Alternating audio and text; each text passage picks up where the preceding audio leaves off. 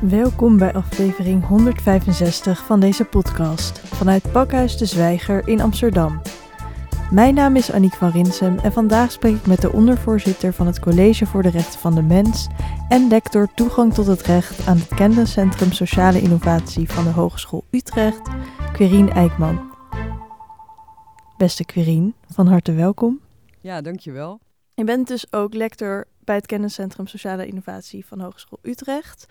Wat is sociale innovatie? En spreek wel even van innovatie als dingen beter worden. En zo ja, hoe bepaal je dat dan? Bij sociale innovatie gaat het eigenlijk om verandering die door mensen uh, wordt ingezet. En in ons geval gaat het dan vaak om onderzoek, praktijkgericht onderzoek, bijvoorbeeld naar schulden of naar armoede, of in mijn geval toegang tot het recht. En dan kijken we eigenlijk hoe dingen anders of beter kunnen.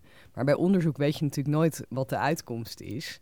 Uh, dus bijvoorbeeld wij doen onderzoek naar uh, multiproblematiek uh, bij, nou, bij juristen, bij het juridisch loket, waar je als eerste hulp kan vragen met juridische problemen. Maar de vraag is of je dat wel kan herkennen aan de balie, of iemand bijvoorbeeld multiproblematiek is. En wij hebben onderzoek gedaan om dat te detecteren, maar de vraag is of dat ook kan. Het is natuurlijk niet altijd als wij iets onderzoeken dat dat per se tot verbetering leidt, maar we streven er wel naar. En wat is, houdt dat dan precies in, dat multiproblematiek? Nou, juristen zijn nogal geneigd om, uh, om een rechtsprobleem uh, uh, heel eenzijdig te behandelen. Dus bijvoorbeeld, ik zeg altijd, iemand die uit huis wordt gezet, die komt aan de balie en die zegt, kunt u me helpen, want ik word door mijn huisbaas mijn huis uitgezet vanwege een, een huurachterstand. En dan kan je dat probleem gaan helpen, kan je iemand adviseren, nou dan moet u naar de huurcommissie of dan moet u dit doen of moet u dat doen. Maar heel vaak zitten daar ook andere problemen achter. Schulden, uh, problemen uh, met uh, soms wel de jeugdzorg als er met kinderen zijn. Dus de vraag is dan, kan iemand aan die balie ook doorvragen om te kijken of er misschien ook andere dingen spelen, zodat die burger niet constant terug hoeft te komen en misschien niet alleen het juridische probleem opgelost krijgt, namelijk die huisuitzetting, maar ook andere problemen zoals hulp bij schuld, hulpverlening Precies, en dat sociale innovatie, dat zit het hem er dan in dat jullie nadenken over hoe kunnen we sociale vraagstukken innoveren zodat ze beter worden.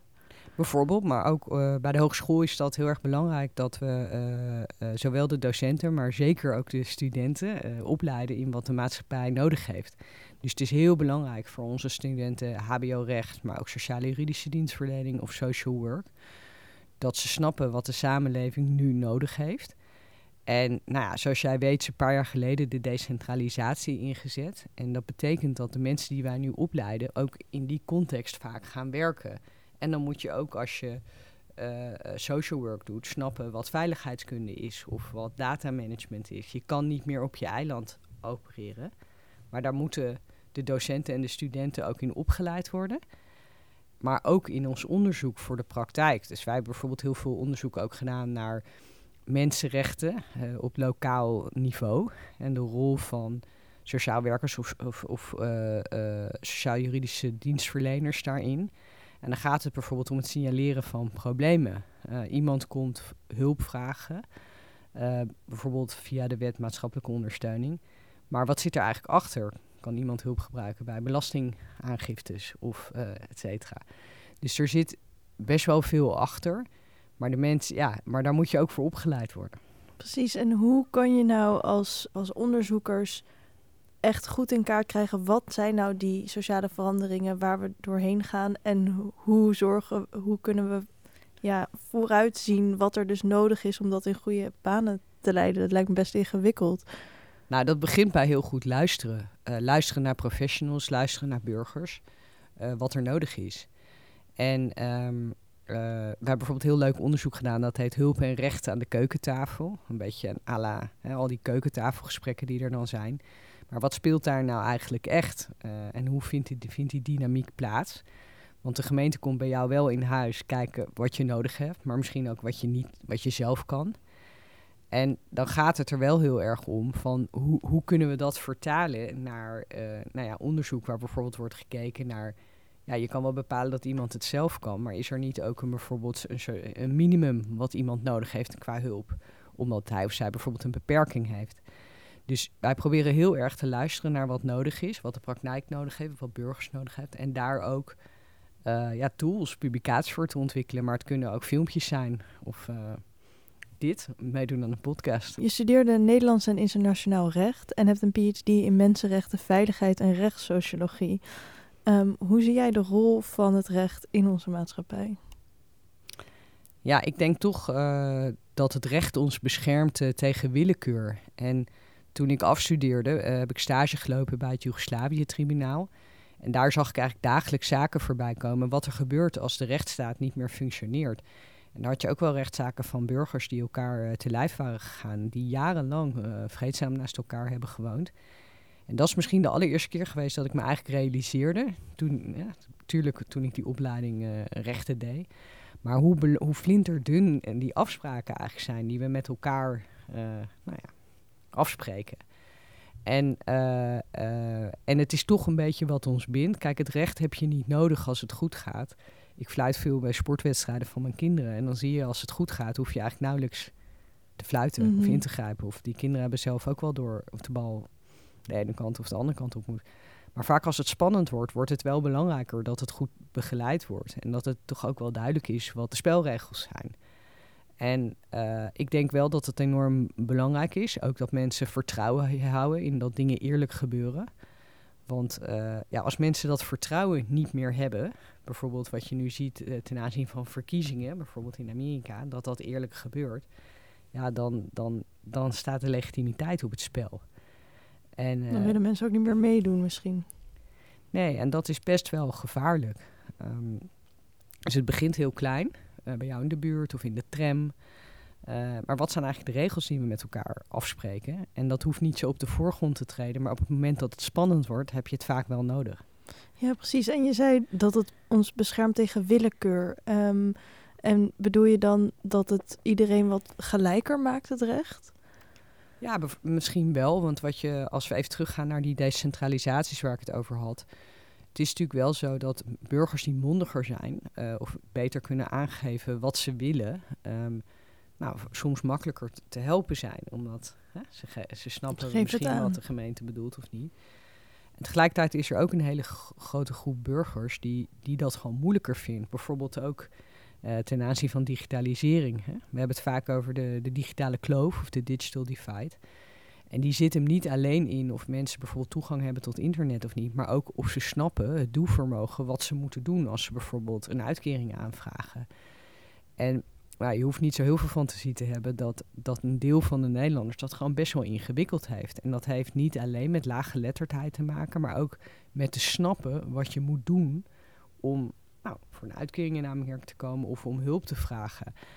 En uh, heel veel mensen kunnen dat heel prima en uh, dat is ook hartstikke goed.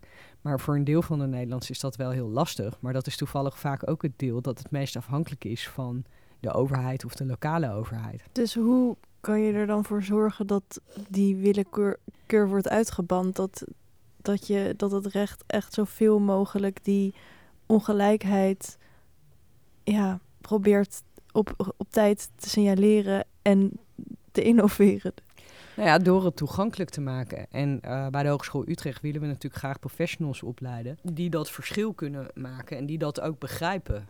Um, dus het gaat ook om dienstverlening, maar het gaat ook om uh, de complexiteit van de, van, van de rechtsstaat. Um, kijk, aangifte doen kan iedereen doen. Of, of, of een hoogopgeleid of een praktisch opgeleid iemand een tik krijgt. Een aangifte is een aangifte. Maar de, het gaat er natuurlijk om, kan jij je goed uit of uitleggen wat er is gebeurd? Dus zijn de systemen door, eh, op, ja, gericht dat je dat doet. En de politie doet dat natuurlijk ook, want je kan ook bellen om aangifte te doen. Hè, mm -hmm. Maar zo zit het met heel veel andere voorzieningen, is dat wat ingewikkelder. En dat denk ik wel dat het recht daar bijvoorbeeld verandering kan inbrengen door te zeggen van nou, uh, iedereen moet kunnen meedoen. Of uh, de Belastingdienst uh, is natuurlijk ook nu heel erg aan het innoveren van hoe kunnen we onze dienstverlening makkelijker en toegankelijker maken. Zodat mensen niet meer zo snel een fout maken.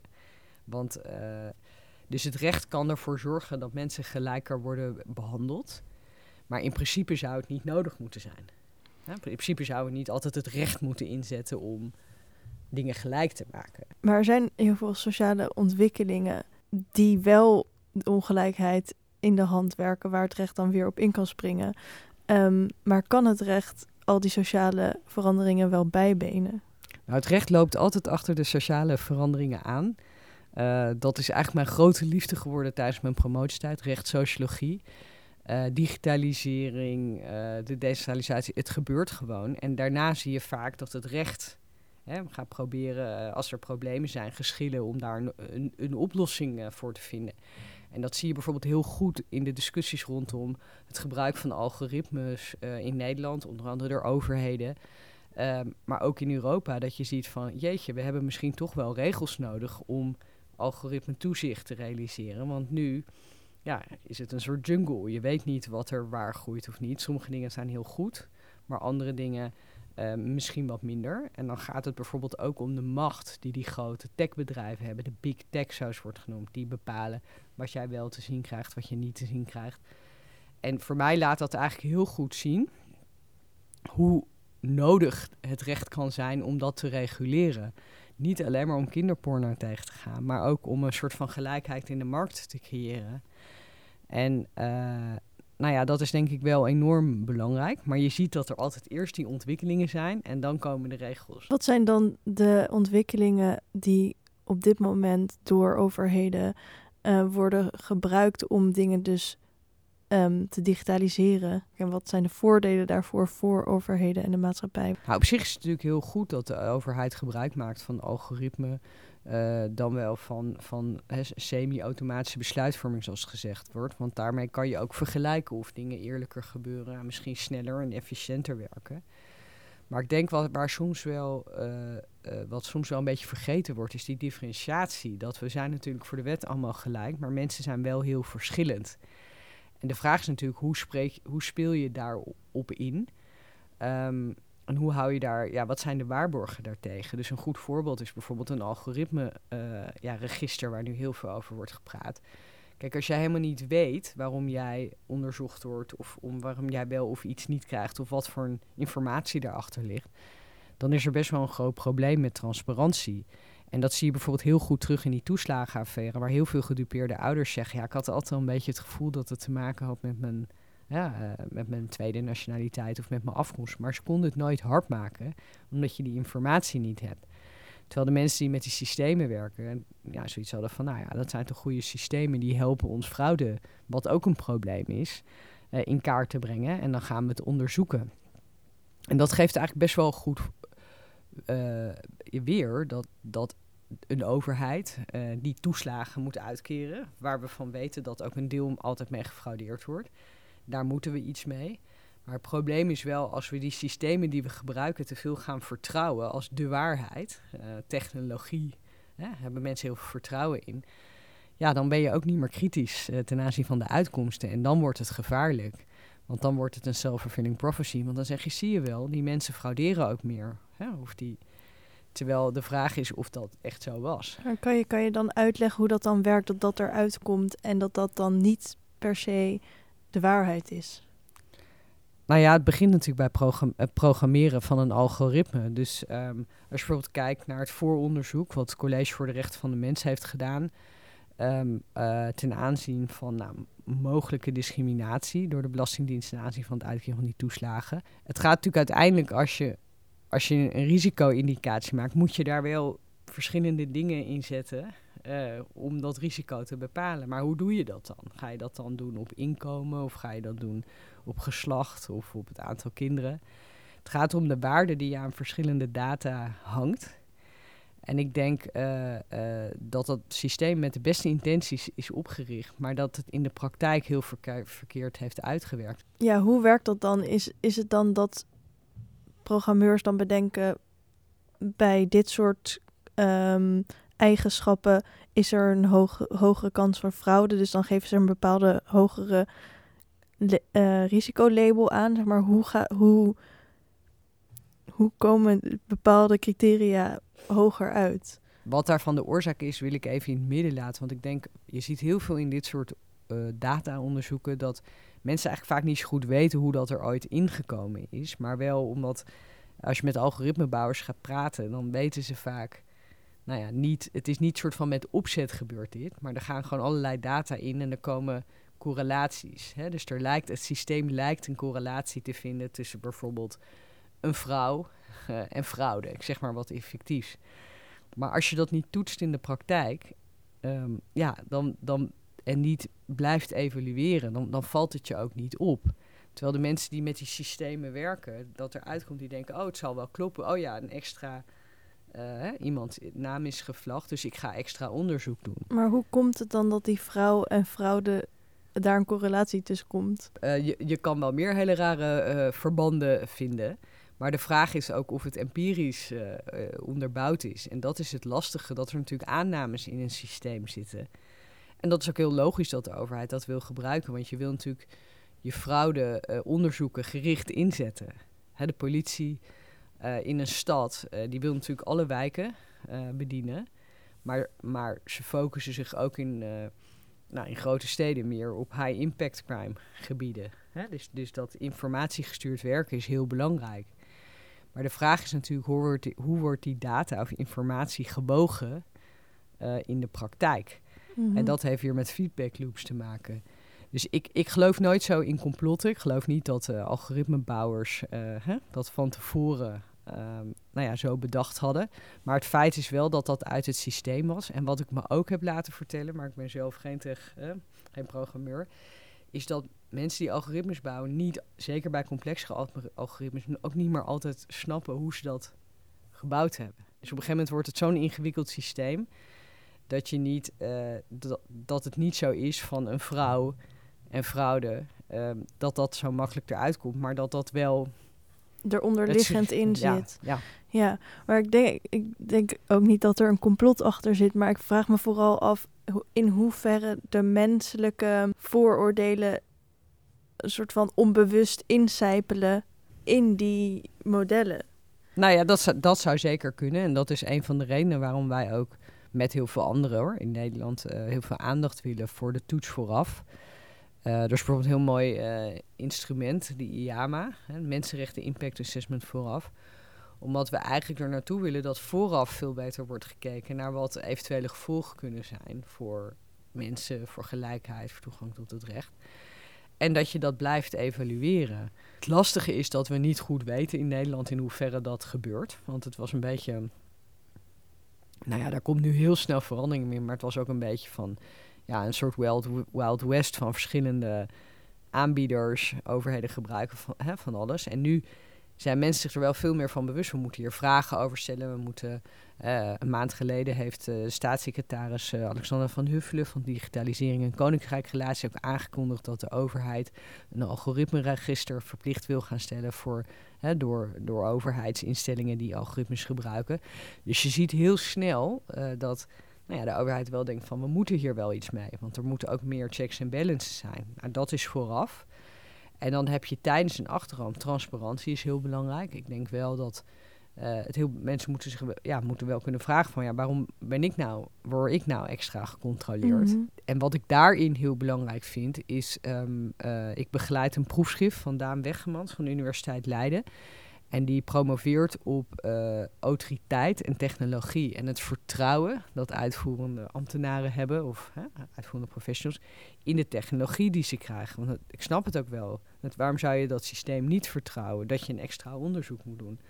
Maar het lastige is dat je dan ook soort van een bevestiging krijgt van hè, uh, verschillende aannames. En dat je misschien niet, niet voldoende bewust bent dat dat bij grote groepen gebeurt. Want ik geloof best wel dat heel veel ambtenaren dat met de beste intenties en volgens de wet hebben gedaan. Dat is ook overigens waar. Het was rechtmatig wat hè, die belastingdienstambtenaren deden. Maar dat je dat die onderzoeken, die transparantie en die toets vooraf, laten zien wat het voor een groep mensen betekent. En dat kan ook een postcodegebied zijn of een, uh, een bepaalde mensen van een bepaalde nationaliteit. Maar denk je dat dus het, het meer willen meten en het meer digitaliseren van processen in onze maatschappij over het algemeen wel grote voordelen met zich meedraagt. Het kan voor, voordelen met zich meebrengen, want je zou ook positief kunnen zijn en zeggen van we kunnen veel makkelijker zien uh, of er verschillen zijn. Denk bijvoorbeeld aan het onderwijs, uh, waar je misschien makkelijker kan meten in welke delen van, van Nederland uh, kinderen misschien minder snel of minder goed eh, terugkomen van de achterstand die bij corona eh, is afgelopen. Dus daar zitten echt wel heel veel voordelen aan. Maar de vraag is wel hoe je het inzet. En dat is natuurlijk heel belangrijk als het gaat om het sociale domein of, of, of toeslagen of dat soort dingen, omdat het ook gaat om macht. En dan komen we weer bij die rechtsstaat. Kijk, macht mag zeker uitgeoefend worden in hè, een democratische rechtsstaat, maar het moet wel ja, binnen die spelregels gebeuren. En de vraag is natuurlijk nu of dat altijd gebeurt als het gaat om nou, risicofraudesystemen, zou ik maar even zeggen. Ja, precies, want dan is het waar bijvoorbeeld je gaat kijken of kinderen genoeg mee zijn gekomen, dan is het meer om te flaggen, zeg maar, wie erachter loopt om ze weer erbij te trekken. Maar als het gaat om fraude, dan is het juist een bestraffend iets. Uh, dus als het daar fout gaat, is het erger. Want als je, als je een kind meer hulp geeft, die het misschien niet zo heel erg nodig heeft, dan is er niet per se iets heel ergs gebeurd. Maar als je iemand ten onrechte uh, ja, bestraft, dan is dat natuurlijk heel schadelijk. Nou, dat sowieso. En tegelijkertijd zegt, uh, begrijp ik ook, zeggen veel ambtenaren van ja, het gaat om een, om een flag system. Dus er is nog wel degelijk uh, uh, een mens die er onderzoek naar doet. En dat klopt ook zeker. Dat is in die toeslagenaffaire ook gebeurd, maar ook bij andere systemen.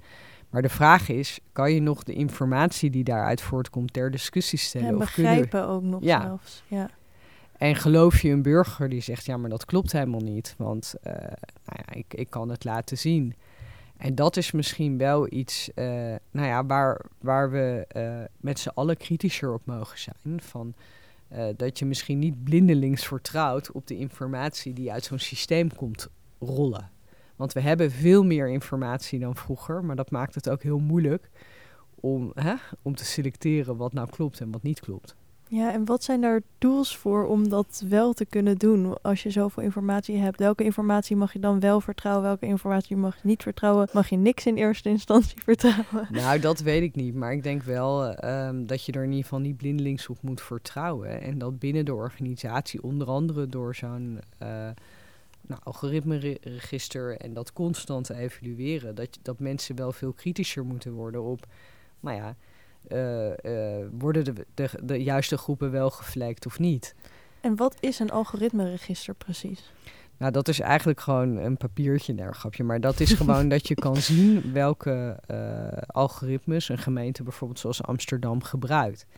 Daarvoor had eigenlijk niemand een idee. Iedereen wist wel dat het speelde.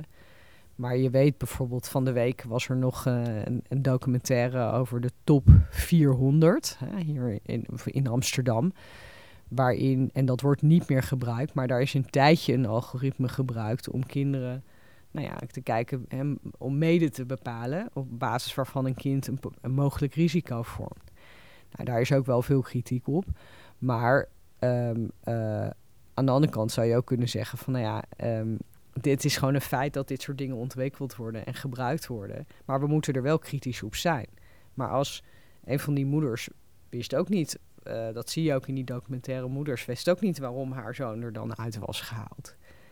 Uh, en als er zo'n algoritme-register is, dan kan je in ieder geval zien... nou, de gemeente gebruikt een algoritme daarvoor of daarvoor. Precies, en staat er dan ook in hoe dat algoritme in elkaar zit? Of kan je daar dan meer informatie over krijgen?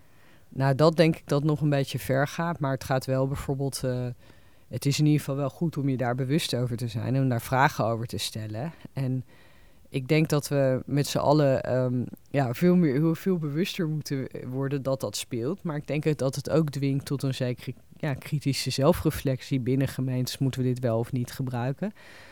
Um, uh, en het hoeft ook niet per se slecht te zijn. Hè? Je hebt ook veel, veel plaatsingen van middelbare scholen um, die, nou ja, dat deels plaatsvindt op basis van een algoritme. En dat kan je wel ook inzetten om de toegang tot scholen hè, gelijkmatiger te verdelen. Mhm. Dat is niet per se slecht. Dat is ook gedaan om een bepaalde ongelijkheid tegen te gaan.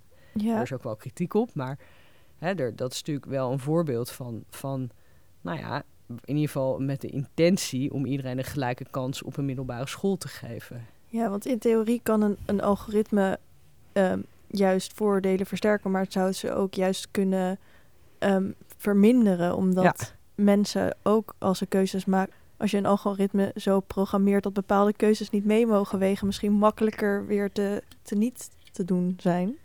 Ja, en, en nogmaals, uh, daar is ook veel discussie over. Dus het is ook niet per se goed of slecht. Het is. Maar de vraag is wel hoe we ermee om moeten gaan en wat de waarborgen zijn. Ja. En um, uh, nou ja, nogmaals, in een democratische rechtsstaat is dat wel heel belangrijk. Maar dat wil misschien niet zeggen dat je helemaal inzicht geeft in hoe het algoritme geprogrammeerd is. Maar wel nou ja, dat mensen zich daar bewust van zijn. En dat ze misschien ook kunnen melden als dingen gewoon niet lopen. De afgelopen jaren heb je onderzoek gedaan naar de effecten van veiligheidsmaatregelen voor de rechtsstaat en mensenrechten. En wat voor maatregelen kunnen we dan denken? Nou, ik heb met een collega Annemarie van der Weert heel veel gedaan op het gebied van vroeg signalering en extremisme. Dus uh, we hebben heel veel politieagenten en jongerenwerkers bijvoorbeeld geïnterviewd van hoe doe je dat nou eigenlijk? Hoe signaleer je iemand die extremisten, extremistische uitingen heeft? Nou, en dat blijkt in de praktijk toch niet zo'n, zo, ja, zo simpel te zijn als het lijkt. Maar dat wordt natuurlijk wel gesuggereerd in heel veel onderzoek. Dus dat is een van de dingen waar we veel, nou, veel werk van hebben gedaan. Maar ook wel uh, een van de ander heel leuk onderzoek wat ik heb gedaan. Dat heet Waak voor het stempel terrorist. Dat gaat eigenlijk om kinderen die op lijstjes komen. Omdat ze dus, nou ja, of jongeren. Uh, omdat ze nou ja, mogelijk zouden uitreizen naar het buitenland of, om, nou, om daar te gaan vechten. Uh, en de vraag is natuurlijk, wat, wat ik heel leuk vond uit dat onderzoek, is dat eigenlijk de betrokken professionals daar ook wel vragen bij hadden. Zo van, wat zijn nou de keerzijden van op zo'n lijstje te komen? En veroorzaakt dat eigenlijk niet meer leed uh, dan dat het voorkomt.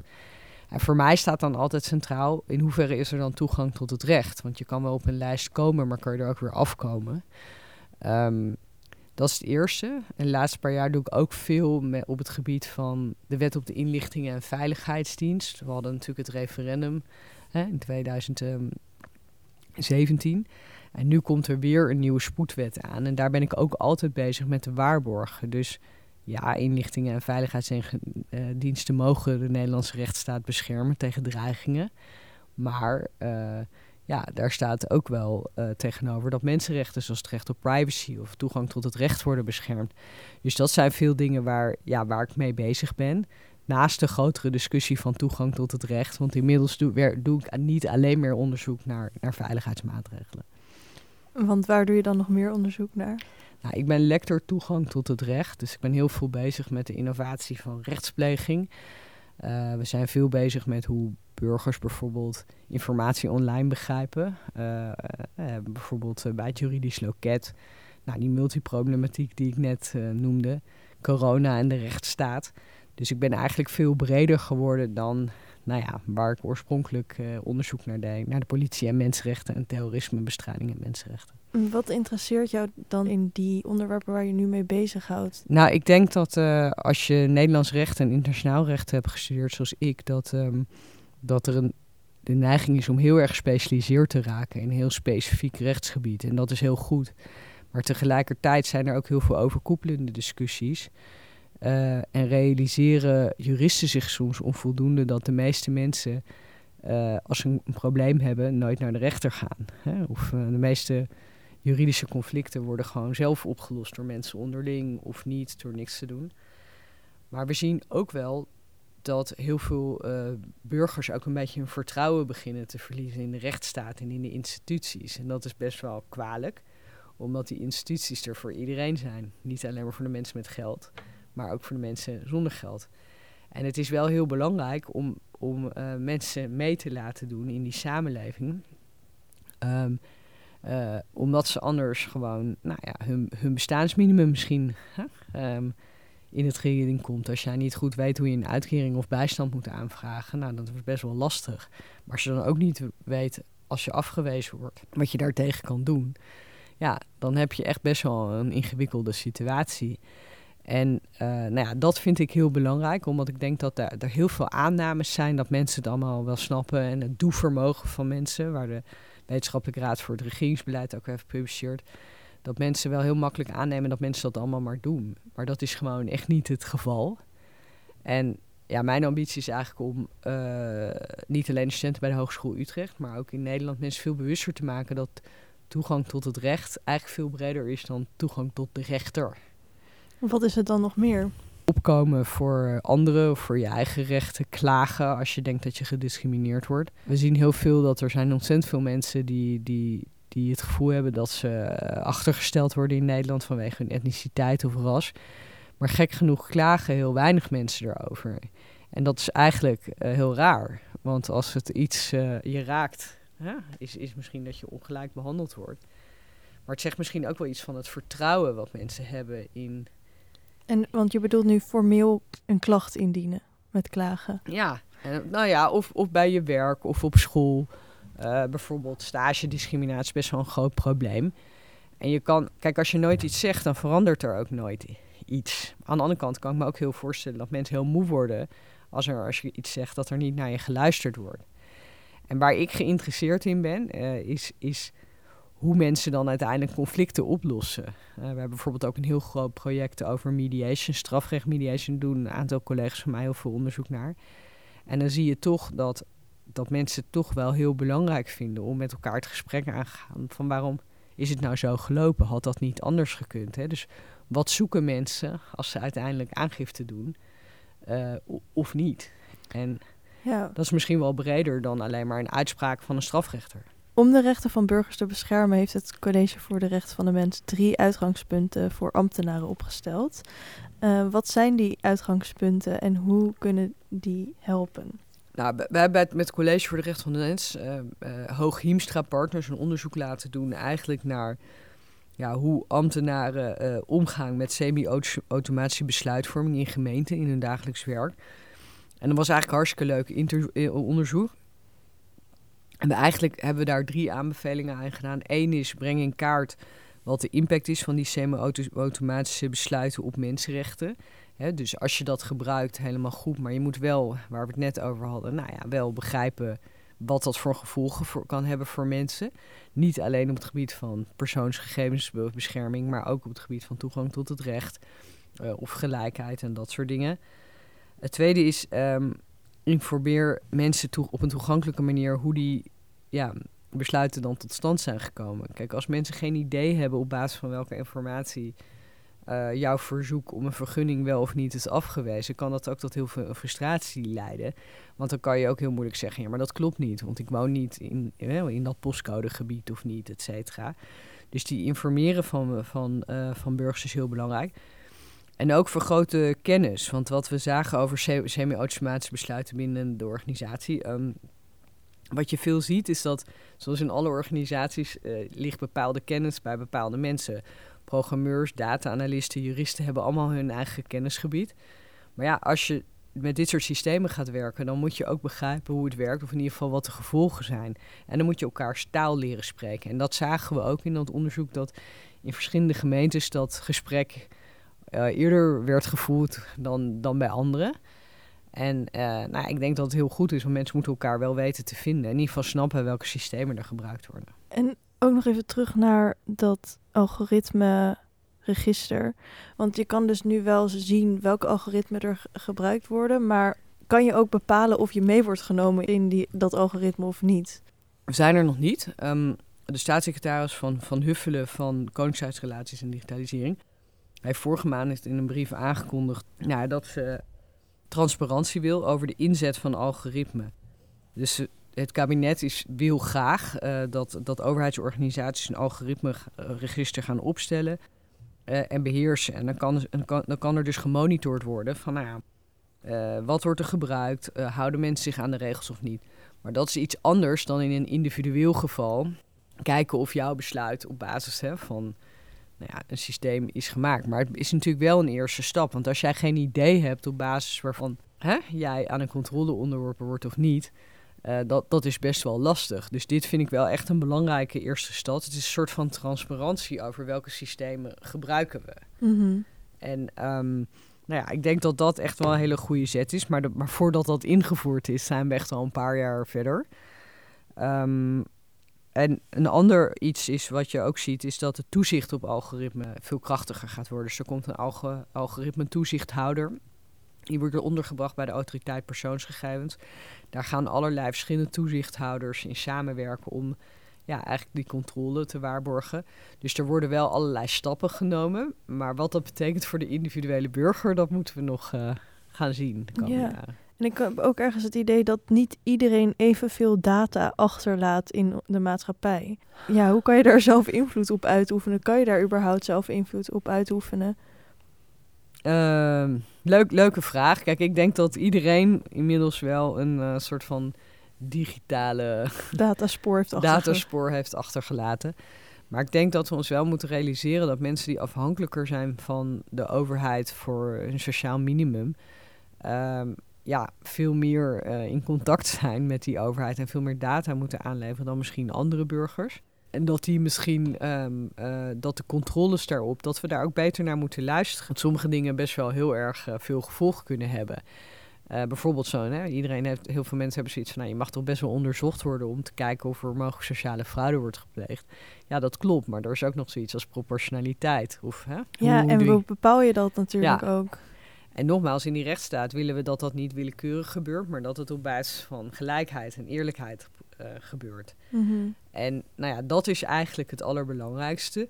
Dus ik denk dat op papier iedereen hiermee te maken kan krijgen. Maar in de praktijk zijn bepaalde burgers worden hier meer mee geconfronteerd dan anderen. Er zijn inmiddels ook al best wel grote technologische ontwikkelingen gaande als het gaat om artificiële intelligentie. Er zijn al chatbots die de Turing-test doorstaan, dus dat ze niet meer te onderscheiden zijn van mensen. En uh, deepfakes worden ook steeds realistischer.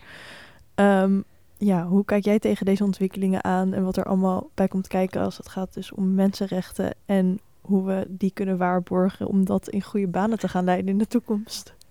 Nou ja, ik denk dat het, dat het gewoon is. Het is een ontwikkeling, maar ik denk wel dat uh, ook artificiële intelligentie, dat mensenrechten uh, heel snel zich moeten gaan, ja, zich moeten realiseren dat ze zich daartoe moeten gaan verhouden. En ik vraag me soms wel af, we hebben een fantastisch mensenrechtenbeschermingssysteem uh, opgericht. Uh, met klachten die je kan indelen bij het Europees Hof voor de Rechten van de Mens. En uh, we hebben nou, toezichthoudende comité's, de Mensenrechtenraad in Genève. Maar ik denk wel um, uh, nou ja, dat we ons goed moeten realiseren dat, dat er nieuwe machtspelers gaan komen in de wereld. En dan heb je weer die big tech bedrijven, maar ook bepaalde landen die um, ja, technologie ook inzetten in een soort wapenwedloop. En ik denk dat het wel heel belangrijk is dat in ieder geval in de Europese Unie dat we dezelfde taal spreken. En dat we dat nu niet achteraf, maar vooraf proberen te reguleren. Omdat het grote gevolgen kan hebben voor onze democratische rechtsstaat. En dat zie je ook uh, in de verkiezingen, bijvoorbeeld rondom uh, um, de Brexit. Uh, zie je toch ook wel dat, nou ja, dat het toch ook wel heel belangrijk is om goed nou ja, bij te houden hoe worden mensen hoe stemmen mensen, hoe door mensen beïnvloed, complottheorie, et cetera. Omdat het ook gaat om de essentie van onze, onze samenleving. En dat we daar veel um, inzet op moeten hebben om dat te begrijpen. En ik denk dat de coronacrisis een grote wake-up call daarvan is geweest. Waarom denk je dat? Nou, omdat je denkt voor het eerst wel, denk ik, heb gezien van hoe belangrijk het is dat er neutrale informatie wordt geleverd, maar dat die in neutrale informatie ook vertrouwd wordt. En het leidt tot polarisatie. Uh, en dat is best wel zorgelijk. Mensen mogen natuurlijk een andere mening hebben. En dat is natuurlijk in de democratische rechtsstaat mag dat ook. Maar algoritmes kunnen dingen ook versterken. En geven jou hè, informatie nou ja, waar, je wel, um, waar je wel goed opgeleid moet zijn om daar kritisch vragen over te stellen. Want hoe weet je nou of iets waar is of niet? Nou, soms weet je dat doordat een bepaalde institutie of een bepaald persoon dat zegt. Um, maar ja, dat, dat weet je soms niet online. Want als dingen gewoon maar herhaald worden, um, uh, zonder dat je weet wat de bron is, uh, nou, dat kan tot heel veel misvattingen leiden. Ja, er zijn meer dan genoeg sociale en digitale veranderingen waar jij je mee bezig kan houden de komende tijd, denk ik. Zeker. Het College voor de Rechten van de Mens uh, zal zeker een scherper oog houden over de gevolgen van digitalisering voor mensenrechten. Maar um, uh, en in het onderzoek probeer ik me wel ja, echt op, op die toegankelijkheid van het recht te houden. Maar we zullen ook wel zien nou ja, dat, dat uh, de rechtsstaat ook online uh, moet gehandhaafd worden. en dat gebeurt gelukkig ook steeds meer. Je was ook ooit werkzaam als hoofdpolitieke zaken en persvoorlichting bij onder andere Amnesty International Nederland, de Universiteit Leiden en de Adviescommissie Internationale Vraagstukken. Wat heb je in het vervullen van die rol geleerd over ook de gevoeligheden van sociale veranderingen in de politiek en daarbuiten? Nou ja, ik denk uh, um, uh, dat onderzoek doen nooit in een vacuüm gebeurt. En ik, toen ik misschien uh, begon met mijn promotieonderzoek bij de Universiteit Utrecht, was ik me daar niet zo van bewust. maar mensenrechten is niet iets waar je alleen maar op moet schrijven, maar dat moet je ook uitdragen. En zelf verantwoordelijkheid nemen voor die verandering. En dat heb ik zeker bij Amnesty International geleerd. het is natuurlijk een actieorganisatie. Um, maar die door goed feitenonderzoek, dat is toch heel belangrijk, waar geen discussie over is, uh, ja, dingen aan de kaart, hè, kaart kan stellen. En bij de adviesraad internationale vraagstukken heb ik wel veel geleerd over internationaal beleid. En nou ja, um, hoe complex relaties zijn tussen verschillende landen die ook hele verschillende meningen kan hebben. En mensenrechten is natuurlijk altijd maar een minimum. Hè? Het is niet het maximum wat hebben, maar een minimum. Dus ik heb dat altijd wel heel waardig uh, gevonden. Ik vind ook dat het soort onderzoek wat ik doe niet in een vacuüm moet plaatsvinden, maar dat onderzoekers midden in de maatschappij moeten staan. Maar dat geldt ook voor toezichthouders, zoals bij het College voor de Rechten van de Mens. Uh, wij kunnen niet vanuit Utrecht uh, alleen maar online kijken hoe dingen zitten, maar we moeten het gesprek aangaan met mensen, met zowel burgers, maar ook met politici, met beleidsmakers, om toch uh, nou, bijvoorbeeld op het gebied van digitalisering, ervoor te zorgen dat die mensenrechten wel meegenomen worden en dat het niet alleen maar gaat om bijvoorbeeld economische belangen. Hoe zie jij de rol van de wetenschap om ook beleid te helpen om inzichten te geven in hoe beleid ook daadwerkelijk impact heeft op de maatschappij? Ik vind het heel belangrijk dat uh, bij de hogeschool, maar ook uh, ja, academici, hun kennis uitdragen aan beleidsmakers op een manier dat het ook begrijpelijk is. En dat heb ik zowel in het extremismeonderzoek geleerd, als ook uh, ja, in, in de hele discussie over de digitalisering, dat er soms aannames worden gedaan die niet altijd kloppen. Dat zag je bijvoorbeeld heel mooi in de discussies over de wet op de inlichtingen en veiligheidsdiensten.